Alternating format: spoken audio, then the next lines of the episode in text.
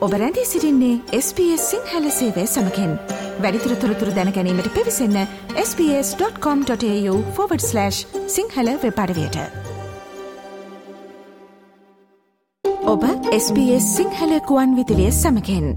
ශ්‍රී ලංකාවේදලා ඔස්ට්‍රලියාවට නිල මට්ටමින් සංක්‍රමණකින් පැමිණීම ආරම්භ වෙන්නේ දහනවවන සියවසය අගභාගේඉදලා ඉතිං ඒ කාලේ ශ්‍ර ලංකාවේදලා ඔස්ට්‍රලියාවට නිලමට්ටමින් පැමිණි පළමු සංක්‍රමණකින් සුළුතර අතරින් ඔස්ට්‍රලනොන් විසින් වැඩිම වාර ගණනක් වාර්තා කල්ල තියෙන සටහන් කල්ල තියෙන එකම පුද්ගලයා වන්නේ තෝමස් බැස්ටියන් එලියස්. එහමත්තතම් TB එලියස් විදියට තමයි ඔහුව හඳුන්වා ගන්නේ මොහුට පෙර ශ්‍ර ලංකාවෙසට ඔස්ට්‍රලියාවට මේ උක්වගා කිරීම සඳහා කම්කරු ශ්‍රමිකයෙන් විදිහට පුද්ගලයන් රැගෙනා බවට ඉතිහාස තොරතුරු වාර්තා කරනවා. කොම නමුත් මේ බ්‍රතාන්න ජනපද කරණයට ලක්වමින් තිබිච්ච එකල ඔස්ට්‍රේලියාවේ සුදුජාතිකයෙන් අතර වඩාත්ම ගෞරවයට ආදරයට පාත්‍ර වුණු කතා බහට ලක්වුණු එකම ශ්‍රී ලාංකිකයා විදිහට මේ ටබලියස් මහත්මයා හැඳින්නෙනවා ඉතිං ඔහු ඔස්ට්‍රලයා විතරක් නෙමේ විශේෂ මොහුගේ මුතු කර්මාන්තය නැත්තං මේ මුතු උපදැමීම නිසා මුළු මහත් ලෝකේම ඒවකට ප්‍රසිද්ධ වෙලා සිටිය. ඔහුට මුතු දොස්තර නමින් නමකුත් පට බැඳිල තිබුණ. ඉතින් කොහොම නමුත් එනිසාම ඔස්ට්‍රලියාව මුතු සම්බන්ධය නිතාම කීර්තියක් උසුලන රටක් බවට ඒ කාලේ පත්වෙලා තිබුණා. ඔහු පිළිබඳව තමයි දැන් අපි ස්බස් සිංහල ගුවන්විදුලයෙන් කතා කරන්න යන්නේ. අපිට මුණ ගැහුණ ඔහුගේ මීමිනි පිරියක්. එකන හරිටම බැලෝත් සිව්වන පරම්පරාවේ පුරුකක් සිද්ධිනුවර වාසය කරනවා. ඇය තමයි සුනේත්‍රා කරුණාරත්න මහත්මිය. අපි ආදරයෙන් ස්බස් සිංහල ගුවන් ඉදිරියට ඔබතුමියෝ පිළිගන්නවා. අයිබෝන් කියලා. අයිබෝන් මන්දර හොඳයි සුනේත්‍ර මහත්මය අපිට මුලින්ම පැහැදිලි කිරීමක් කරමු. මේ TBLස් මහත්මය ඔස්ට්‍රලියාවට පැමිණෙන්න්න මොන කාලෙද ඇයි එන්නේ මේ කියන කාරණා සම්බන්ධය TBLස් ඔස්ට්‍රේලියාවට um, එන්නේ ජුලයි මාසේ 1887 වල. ය එන්නේ ඔස්ට්‍රේලියාවට සිංගපෝ හරහා. එයා සිංගපෝවල්ට ඇත්තටම ඇවිල්ලා තියෙන අවුරුදු 16න් විතර. 16න් විතර ඇවිල්ලා එතන අවුරුදු දෙකක් විතර ඉඳලා තමයි ඔස්ට්‍රේලියාවට එන්නේ. ඒ කාලේ ගෝල්ඩ් රෂ් කියන එක සොයාගෙන තමයි මං හිතන්නේ එන්නේ. හැබැයි ගෝල්ඩ් රෂ් එකේ අග කාලේ හින්දා එයා මුතු කර්මාන්තෙට ලං වෙනවා. ඒ කරලා එයාගේ තියෙන අර ස්කිල් එක හින්දා තමයි එයාට මේ කේපබිලිටි එක තියෙනවා මේ මුතු අරගෙන ඒක සුද්ධ කරන්න හරියට ලුණු ගෙඩියක් පීල් කරනවා වගේ මේ යාට පුළුවන්කම තිබුණා මේ මුතු වල උපරිම මේ මේ ලස්සන ගන්න. එයා එන්නේ ඔස්ට්‍රේලියාවට අර 1887 වල මේ සිංගපෝවල ඉඳලා කොසක් කියන තැනට ඒ කරලා එතන ඉඳලා යා එනවා බ්‍රූම් වලට. බ්‍රූම් වල තමයි යාගේ වැඩිම මේ බිස්නස් එතකොට කඩයක් ඇර ඇරලා ඒ වැඩ ඔක්කොම කෙරෙන්නේ බ්‍රූම් වල. ඕ මේ කියන කාලේ ඔස්ට්‍රලියාවේ ක්‍රියාත්මක වෙන්නේ මේ වයිට ඔස්ට්‍රලියන් පොලිසි නැතම සුදු ජාතිකවාදී ප්‍රතිපත්ති නමුත් සුදු ජාතිකයන්ගේ ගරුබුහුමන් ලබපු ආදරය ලබපු ප්‍රධානතම සුදු ජාතිකයෙක් නොවන පුද්ගලයා බවට මේ TBLස් මහත්මය පත්වෙනවා කියලා පොතපතේ හිටන් සතහන් වෙනවා මෙහෙම වෙන්න හේතුව මොකක්ද. මෙහෙම වෙන්ඩ හේතුව ඇත්තටම මේ TB එලිස්ගේ දක්ෂකම. දක්ෂකම කියන්නේ ඔය මුතු සුද්ධ කරන්න ඔප්පේ ගේන්න කියන්නේ උපරිම මේ විදිහට යාට ඒ දක්ෂකම තිබුණා මේ රටේ වෙන කාටවත් තිබුණ නැති. ඒක එන්නේ ඇත්තටම ඔය ජුවල්රි කර්මාන්තේ පෞච්චි කරන මේ ආයුධ කියන්නේ ටූල්ස් වලින් යාට පුළුවන්කම තිබුණා අතේ තියාගෙන ඒක රවුමට රවුමට කරකවද්දී සුද්ධ කරන්න. ඒ හැම ලේයර් එකම ස්කින් එකේ ලේයර් එකම අයින් කරනවා කියන්නේ මේ මුතු වල සයිස් එකෙන් අඩු වෙනවා නැත්තම් සමහරක් වෙලාවට ඒකේ අර තව බ්ලෙමිෂ් එකක් එළියට එන්න පුළුවන්. හැබැයි ඒ දක්ෂකම හින්දාම තමයි යාව ඔස්ට්‍රේලියාව විතරක් නෙමේ ලෝක පුරා වෙන රටවල් වලින් ආවහම ඔස්ට්‍රේලියාවට ඒගොල්ලන් මෙයා ගාවට තමයි ගෙනියන්නේ මේ ඒගොල්ලන් ඉද්දිම සුද්ධ කරගන්න මේ පර්ල්ස් කියන ඒවා. අර යාට හරියට ගරු කරහින්දා ඒ වයිට් ඔස්ට්‍රේලියා පොලිසි කියන එක කාලේ යාට ප්‍රශ්නයක් වුන්නේ මොකද ඒ බ්‍රූම් වල ඔය ගවනර්ස්ලා එතකොට පිට රටවල් වලින් ආපු මිනිස්සු ඔක්කොම මේ එයාගේ දක්ෂකමට ඇක්නොලෙජ් කරා එයාගේ පාටට වැඩි ඇත්තටම. සමහරක් පින්තූර තියෙනවා මේ යා ඔය ගවනර්ස්ලා එක්ක සුදු කට්ටියත් එක්ක මෙයා විතරයි කළු කෙනෙක්ට ඉන්නේ. ඉතින් ඒ ඒ කියන්නේ යාව එක්සෙප්ට් කරා. යාව එක්සෙප්ට් කරා මේ ඒ කාලේ ඔය පර්ල් ඩොක්ටර්ස්ලා කියනකොට ඒගොල්ලන් අර සුදු යුනිෆෝම් එකක් වගේ අඳින්නේ. ඉතින් යාට ඒකත් අඳින්න ඉඩ තිබුණා. ටීබියලියස් මහත්මයාගේ මුතු කර්මාන්තයේ දැවන්ත භාවය එහමතත්තම් ශූර භාවය පිළිබඳව තවත් සාක්ෂි ඔස්ට්‍රලයානු ඉතිහාස වාර්තා සපයනවා. ඒ අතරින් ඔහුට මේ හැකියාව ලැබුණ කියලා සටහන් වෙනවා මේ ලෝකප්‍රකට මුතු නිර්මාණ ලෝකයට දායක කරන්නට. ඒ අතරතුරේදී එවකට මේ බ්‍රතාානය රාජකීය පවුලට ඇඳුම් අයිත්තංවලට විධ ආභරණ සපයන්නත් ඔස්ට්‍රලියාව කටයුතු කල්ලා තිනවා ඉතින් එතනදිත් ඔහුට දායකත්වයක් සපයන්න හැකියාවක් ලැබි ලැබිලා තියෙනවා කියලා වාර්තාවල සඳහන් වෙනවා.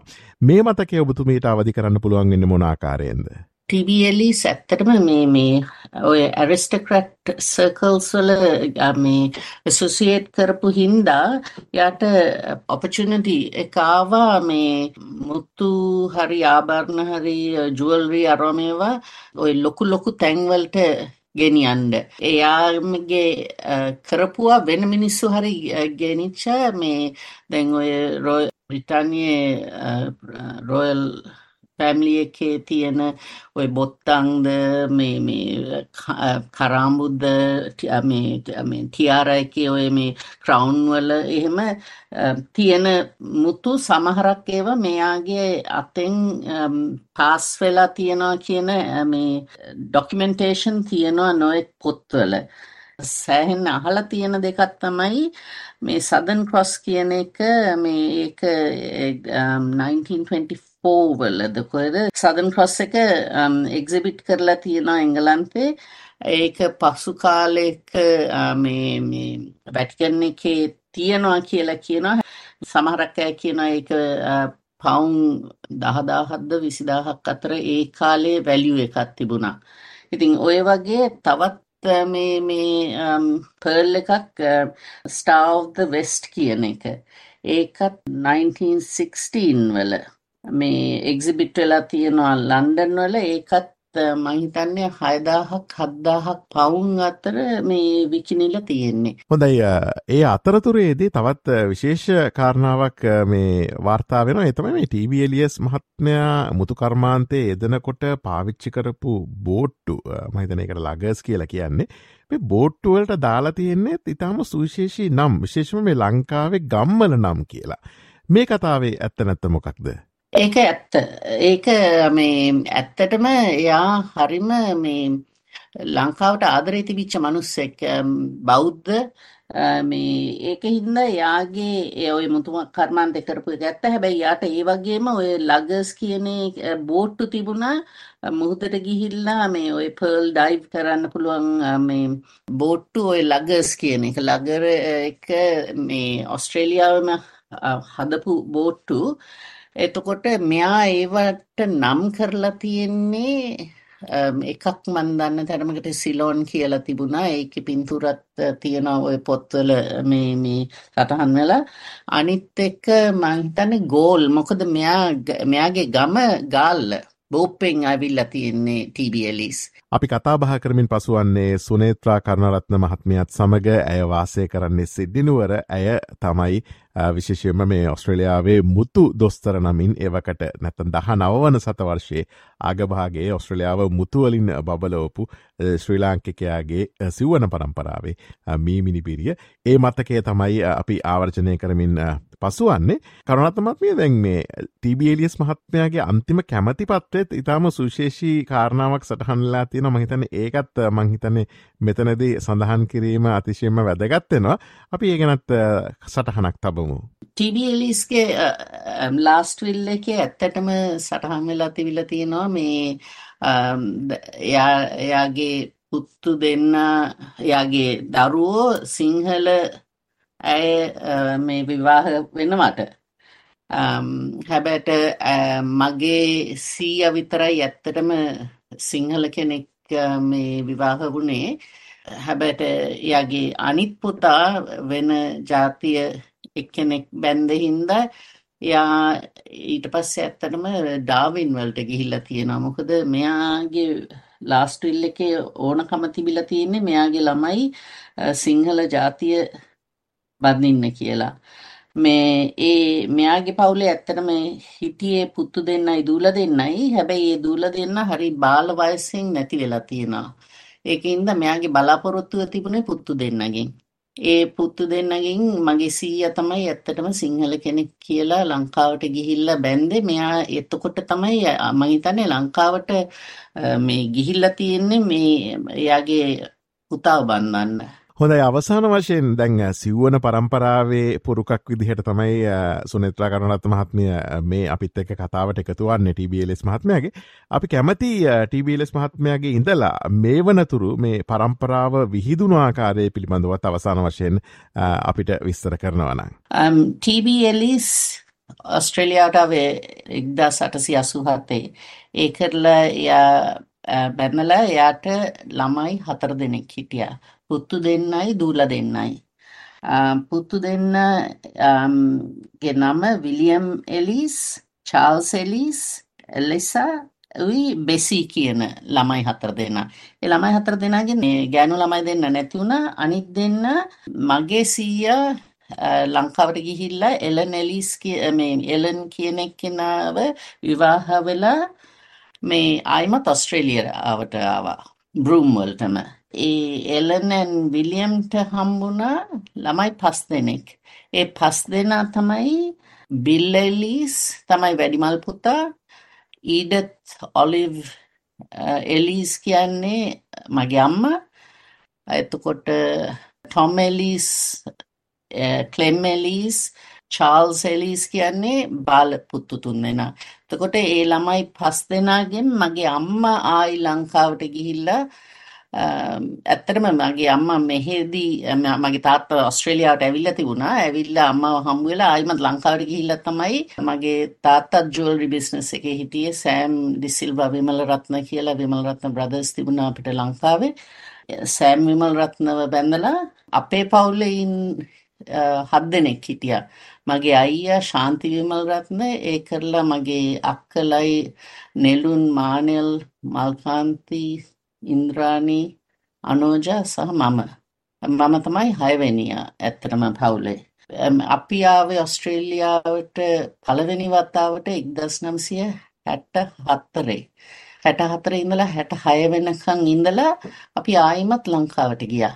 1900 හැටහයේ ඉඳලා හැත්තෑව වෙනකම් ඒ කරලා එක්දස් නමසය හැත්තෑවේ ලංකාවේ මේ ප්‍රොබ්ලම්ස් තියෙනකොට අපි ඔක්කොමලා අයිමත් මයිග්‍රේට් කරා ඔස්ට්‍රේලියාවට හැබැයි අපි එතකොට ආවේ සිඩ්නි වලට.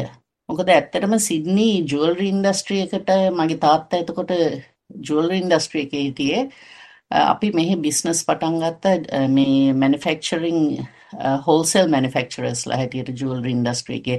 එතකොට ඒ ඒත් කොටත් ඔය පර්ල්ස් කලර්ඩ් ස්ටෝන්ස් ජුවලරි ඒ ඔක්කොම මැනුෆැක්චර් කරලා ඕස්ට්‍රේලියාවේ සාප්පු වලට මේ බඩු දැම්මා. ඒ කරලා ඒ ජෙනරේෂන් එකෙන් මගේ එක අක්කා කෙනෙක් බ්‍රිස්බන් වල ඉන්න එයා ජුවලරි බිස්නස් එකට ගියා මල්කාන්ති කියලා. එයාගේ පුතා තමයි අජී එලිස් කියලා අජී එලිස් විමල්රත්න කියලා. දැනටත් මේ ලොකු විදිහකින් මුතු කර්මාන්තයේ ඉන්නේ. බිස්නස් කරාගෙන ලොකු මේ කියන්නේ ගොඩාක් මේ එක්ස්පෙන්සිව් පර්ල්ස් හැන්ඩල් කරන තියෙන සහ විකුණන්නේ ලොකු ලොකු අයට එයා තමයි. ඉතින් අජී තමයි ඇත්තටම මේ දැන් මේ අපේ ජෙනරේෂන් එකේ පර්ල් ඉන්ඩස්ට්‍රි එකේ ඉන්නේ. උයි යා ගොඩක් පොතුත් යා එක පොතක් ලියලා තියෙනවා එලිස් මේ පර්ලින් කියලා. අනිත් එක මේ ඔස්ට්‍රේලියාවේ මේ ඔය කොන්ටස් එයාලයින් එකේ ඩොකියුමෙන්ටරි එකක් තියෙනවා TB එලිස් ගැනයි ඔය බ්‍රූම් පර්ලිං ගැනයි ඔක්කොම ඩොකියුමෙන්ටරි එකක් හැටියට පෙන්නන. ඔය අජී මගේ අක්කගේ පුතා. හැබැයිට මගේ ෆෑමිලි එකේ ඉන්නේ මට ඉන්නේ ළමයි දෙන්නයි. මගේ පුතා මේ ප්ලාස්ටික් සර්ජරි කරන්නේ. මගේ දුව IT ඉන්ඩස්ට්‍රි එකේ ඉන්නේ.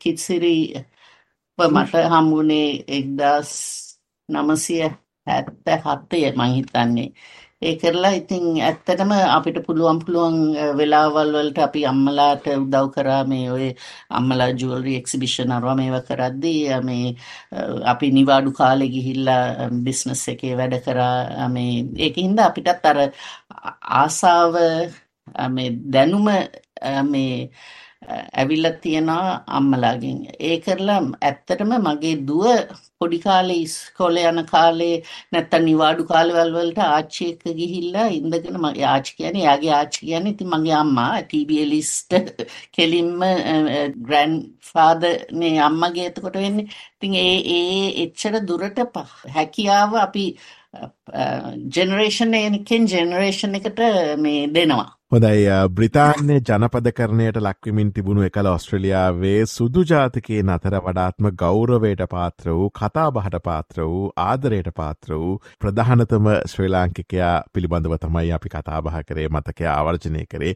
ඔහු ටබ එලියස් මහතා ඔහු ඔස්ට්‍රලියාව මුතුවලින් බබලපු ඔස්ට්‍රලියාවේ මුතු දොස්තර විදිහට තමයි ඉතිහාසය ඔහු හඳුන්වන්නේ. ඉතිං ඔහුගේ සිවන පරම්පරාවේ මේ මිනිබිරියක් වන සිදිනුවර වාසය කරන සුනේත්‍රා කරුණරත්න මහත්මිය තමයි අපිත් සමගාද දවසේදී සම්බන්ධ වෙලා ඔහු පිළිබඳව ඒ මතකය ආවර්ශනය කළේ. ඔබතුමීට බොහොමත්ම ස්තුතිවන්තෙනවා SBS සිංහල ගොන්නිදලේ වෙනුවෙන් මේ අදහස් දැක්වීම සම්බන්ධයෙන් සුබ දවසක් ප්‍රාර්ථනා කරනවා දීර්ගායු ප්‍රාර්ථනා කරනවා. ස්තුති මන්දර. SBS? SBS. SBS. SBS. SBS. SBS Radio. ලයි කරන්න ෂයා කරන්න අදහස් ප්‍රකාශ කරන්න. SBS සිංහල ෆස්බුක් පිටුව ෆලෝ කරන්න.